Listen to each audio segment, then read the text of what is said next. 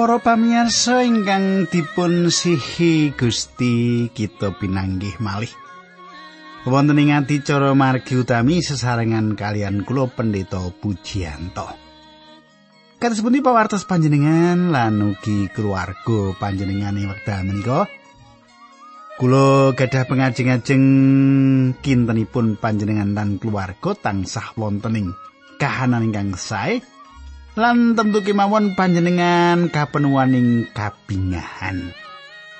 Para pamirsa lumantar adicara menika kula badhe ndherekaken panjenengan sinau kayektosaning kitab suci kita menika lan ugi ndherekaken panjenengan supados nyemak saben kayektosan ingkang kapratelaken saking kitab suci menika.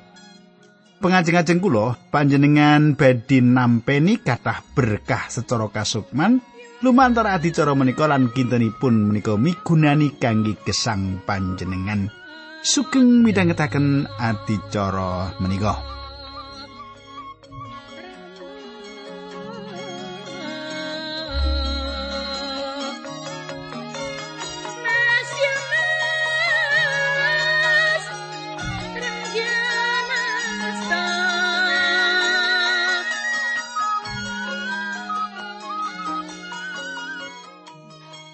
Para pamirsa ingkang kula tresnani menapa panjenengan tasih kemutan? Menapa ingkang kula aturaken duk pepanggihan kepengker? Anggi sekedhik-sekedhik Pak kula kemutan. Anggi Nggih kula wangsuli sekedhik supados panjenengan paling boten kemutan. Menapa ingkang kula aturaken duk pepanggihan kepengker? Ing kepenggar kita sampun nyemak Paulus ngimutaken bilih patunggilan tumrap tiang-tiang pitados ateges saged dum-duman perkawis-perkawis ingkang wonten kegayutanipun Sang Kristus. Gitu. Kulo ngedumaken pengalaman kulo datang panjenengan babagan Sang Kristus. Panjenengan ugi bagi datang kulo pengalaman karohanan panjenengan, kegayutan panjenengan kalian Sang Kristus. Nah, kita badhe lajengaken nanging saderengipun menika monggo kita ndedonga rumiyin. Kanjeng Rama ingkang dampar wonten kraton ing kasuwargan kawula ngaturaken gunging panuwun menawi wekdal menika kawula saged tetunggilan kalian sederek-sederek kawula ingkang setya tuhu midhangetaken adicara menika. Kawula nyuwun Gusti berkahi Gusti mitulungi lan kanthi adicara menika kathah sederek kawula ingkang tambah kandel imanipun wonten ing asmanipun Gusti kawula Yesus Kristus. Dinambaran asmanipun Gusti Yesus Kristus kawula netunggal haleluya amin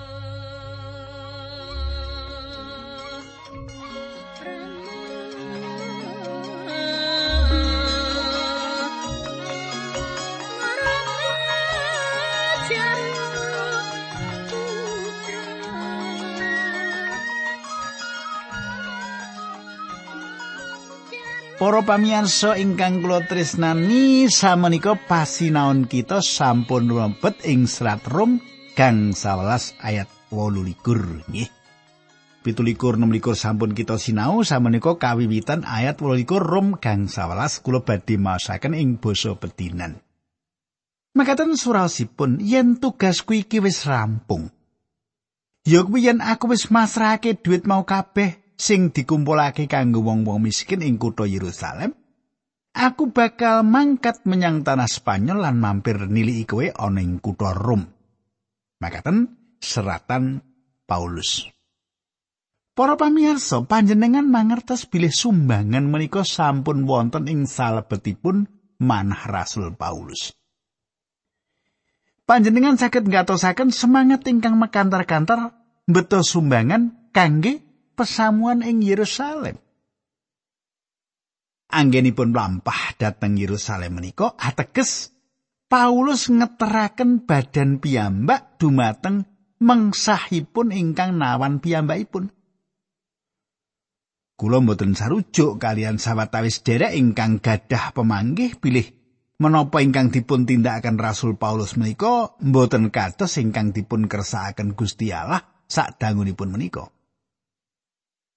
Kulo sarujuk kalian pemanggih pilih Rasul Paulus anggenipun kisah dateng Yerusalem. Menika selaras kalian kersanipun Gusti Allah. kados ingkang kita semak ing kitab para rasul. Ya kuwi yen aku wis masrahake duit mau kabeh. Radi aneh kangenipun kita saged dipun maknani bilih Paulus gadah kekajengan nampeni tondo bukti atas pisungsung. Saged kemawon tegesipun Paulus gadah kekajengan kisah dateng gereja Yerusalem supados piyambakipun saged ningali hasil saking peladosanipun. Para pamirsa, kula secara pribadi yakin bilih menawi panjenengan ngersakaken nyumbang harta kangge sawetawis kepentingan. Panjenengan kedah mangertos menapa ingkang dados kegiatanipun. Sesambetan kalian pisungsung tiang Kristen inggih menika ingkang paling bebayani ing jaman samenika. Kula mboten yakin menawi panjenengan badhe nindakaken satunggalipun pakaryan panjenengan kedah mangertos kalih perkawis gegayutan menapa ingkang panjenengan tindakaken menika. Angka setunggal menapa ingkang dipun tindakaken tiang menika? Kaping kalih, menapa ingkang dipun tindakaken menika saking pangandikanipun Gusti Allah ingkang tumus saking manah lan saking gesangipun? Nah, ini ah, penting kangge kita nek nyumbang aja mung butuh nyumbang kedah mangertos dinggo apa sumbangan menika gitu.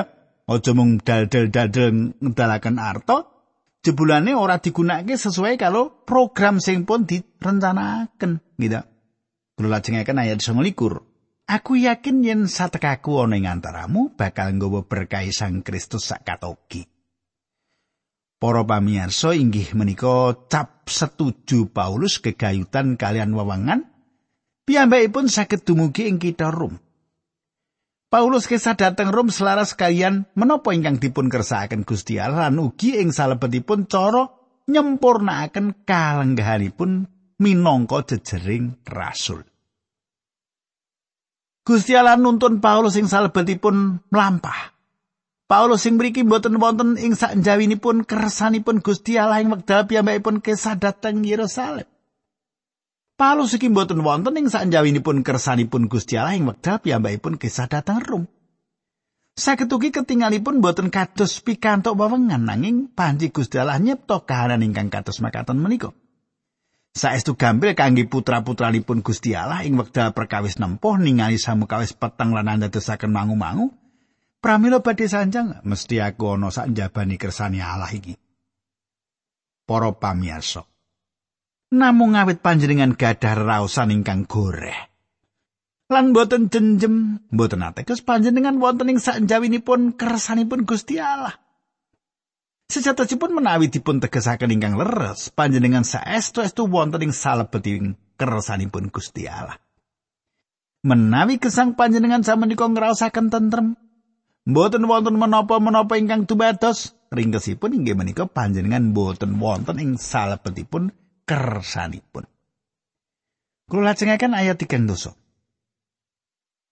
Para sedulur krana asmane Gusti Yesus Kristus lan krana sih katresnane peparingi Sang Roh Suci, kowe ndak jaluk padha bebarengan ndedonga kalian tumemen karo aku nyuwun marang Gusti Allah supaya aku kaparingan keselamatan.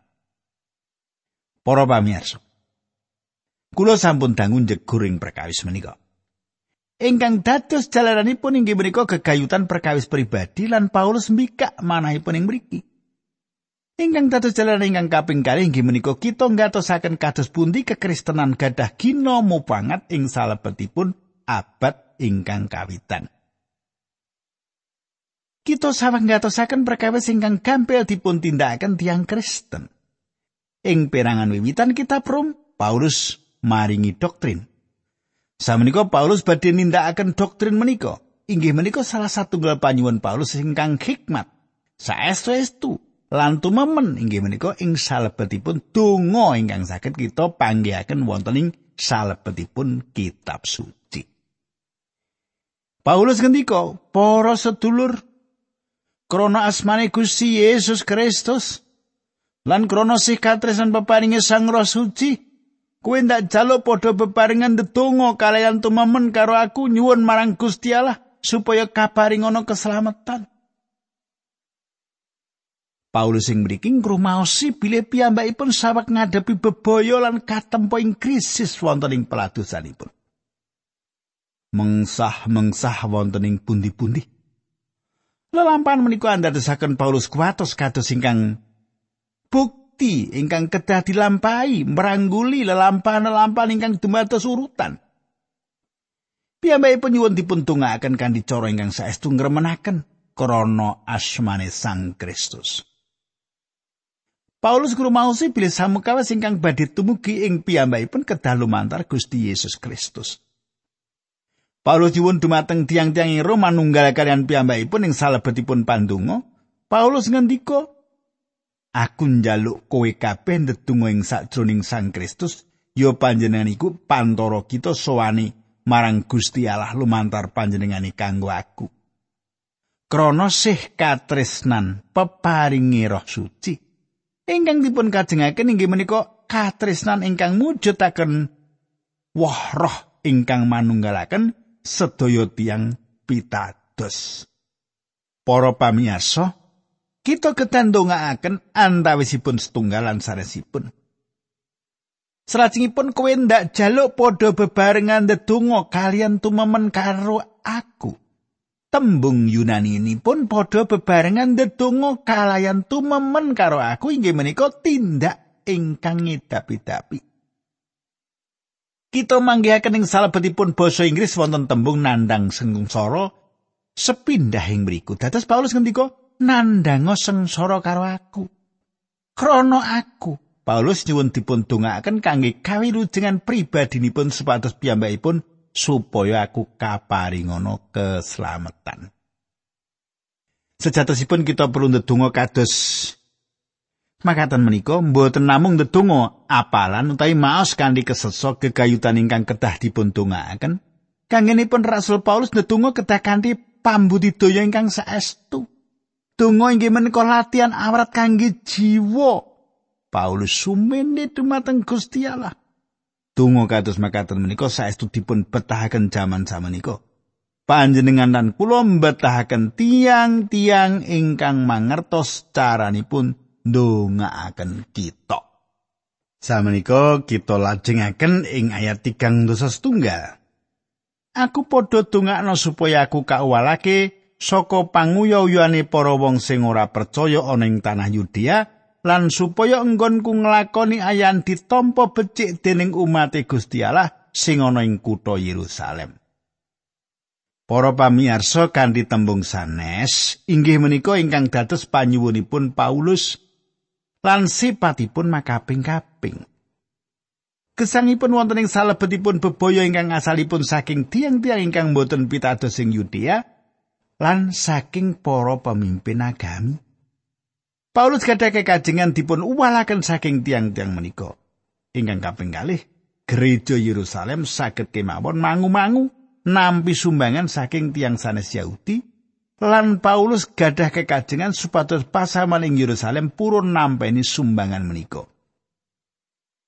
Kali panyuwun menika sampun dipun jawab.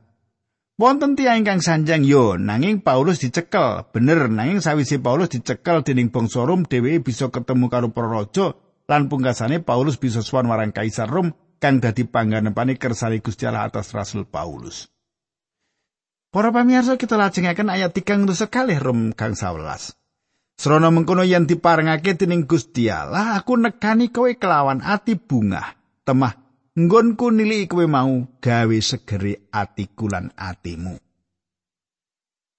Para pamirsa, inggih menika ringkesipun menapa ingkang dipun tungakaken Rasul Paulus. Tunganipun dipun jawab, gesangipun dipun mangertos gereja ing Yerusalem purun nampi sumbangan menika piyambakipun dumugi kanthi bingah ing Rom uwal saking kasunyatan bilih Paulus kedah dipun kunjoro sadangunipun kalih taun ing pagunjaran Kaisiria nglampahi karam kapaling margi lan ing wekdal piyambakipun dumugi ing Rom piyambakipun dipun rantai nanging Paulus gadah sukorno sang roh suci kita sedaya sangat mbetahaken sukorno kados makaten menika ing salebetipun gesang kita Para pamirsa menapa Paulus ngrasaken tentrem lan bingar wonten ing Rom? Jawabanipun saged dados dedebatan. Piyambakipun pancing ngrasaken perkawis menika sasamunipun nglangkungi Rom lan Spanyol ing wekdal mlebet ing pangayunanipun Sang Kristus. Piyambakipun nyerat ing pungkasan gesangipun dumateng Timotius lare imanipun kalih Timotius kawan ayat 6 lan 8. Makaten surasipun.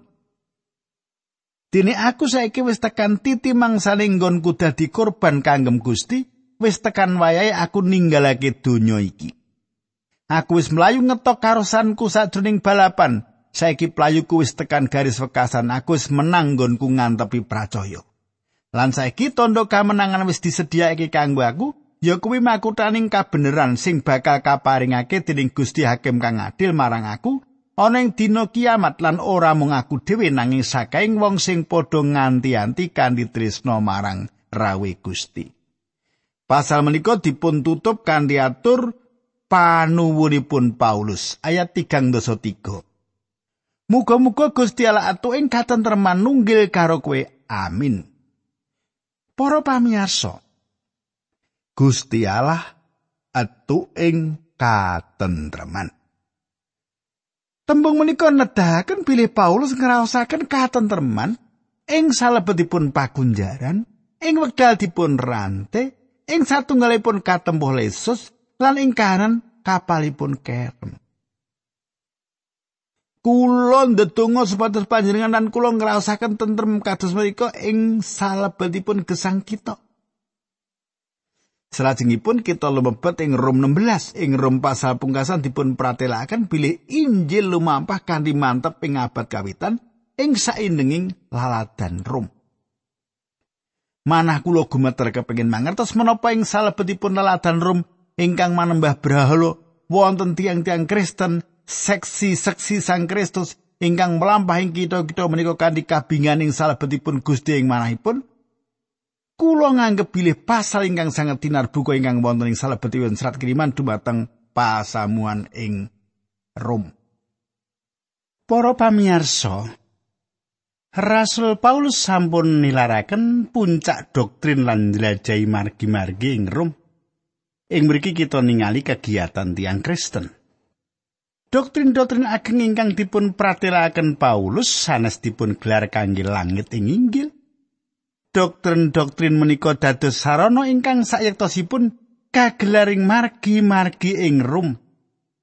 Injil menika dipun terapaken wonten ing gesang lan kasunyatan.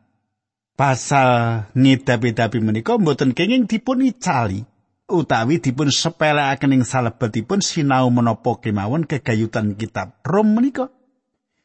William Noel meratelaken saya sanget pasal 16 dipun sepelekaken dening kathah tiang lan patrap menika ngrugekaken badan piyambak. Wonten tigang dosa gangsal tiang ingkang dipun sebat naminipun ing pasal menika. Sedaya ingkang dipun sebat inggih menika tiang-tiang pitados ingkang mapan wonten ing Rom utawi tiang-tiang menika inggih menika tiang ingkang sesarengan kalian Rasul Paulus. Paulus saged ugi wonten ing Korinta ing wekdal piyambakipun nyerat serat kiriman menika. Ing mriku kapratira tresna tinresnanan lan katresnan ingkang lembah ingkang lelawanan kalian falsafah lan praktek gesang ing rum. Menika ragi mboten sami kalian sawetawis gereja ing jaman samenika. Tiang-tiang Kristen menika benten. Kula mbayangaken tiang-tiang Rom ngungun dumateng tiang-tiang menika lan sanjang kandi soro. Wong-wong Kristen iki nresnani antarane siji lan sijine. Para pamirsa pasal menika dipun wiwiti satunggal panyuwun supados pasamuan ngatosaken Febe. Wanita ingkang beto serat kiriman dumateng pesamaning Rom. Ayat setunggal lan kalih bab 16. Aku kepingin nepungake kowe karo Febe, sedulur wanita sing neladi ana ing pesamuan Kengkrea. Demi patunggiran kita karo Gusti Yesus sedulur kuwi tampan ana ing samestine kaya sing padha katindakake dening umat Gusti Allah. Febe mau weneh ana pitulungan apa wae sing dibutuhake sebab Febe dhewe wis mitulungi wong akeh klebu aku dhewe.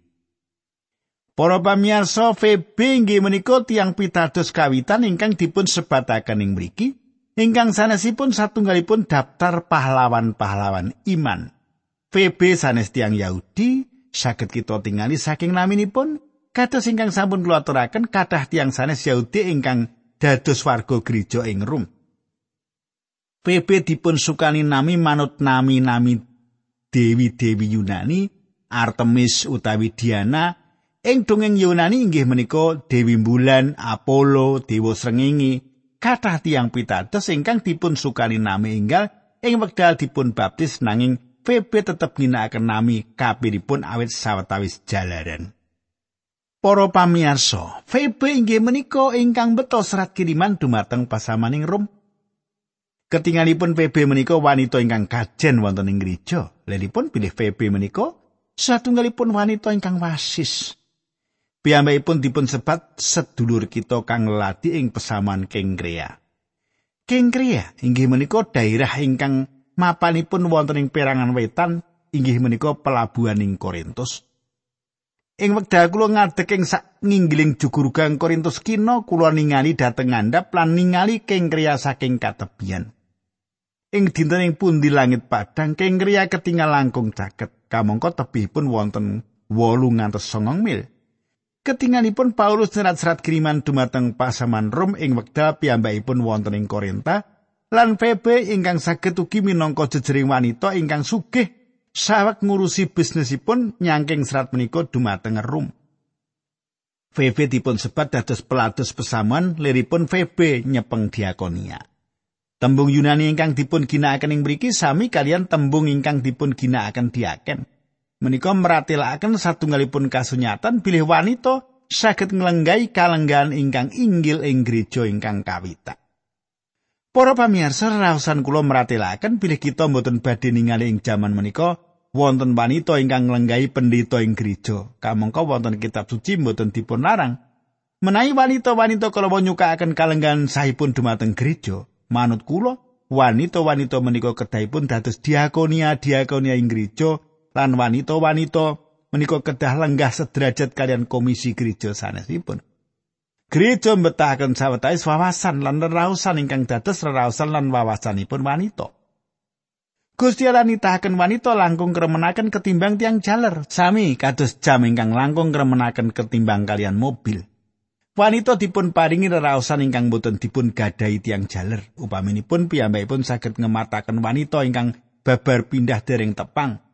Lan ing salebetipun gangsal menit, wanita menika sampun mangertos kathah perkawis gegayutan tiang menika. Alasan piyambakipun ningali rasuanan patrapipun. Kanggenipun tiang jaler ing wekdal kados makaten menika badhe ketingal kados tiang bodho. Kita saged mangertos menapa piyambakipun ayu ta mboten nanging inggih menika watesan pangertosan kita minangka jejeripun tiang jaler. Para pamirsa gereja mbetahaken wawasan ingkang dados gadahanipun wanita.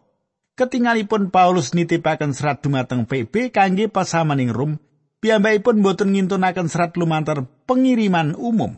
Rom ing babakan kintunan serat saestu dangu.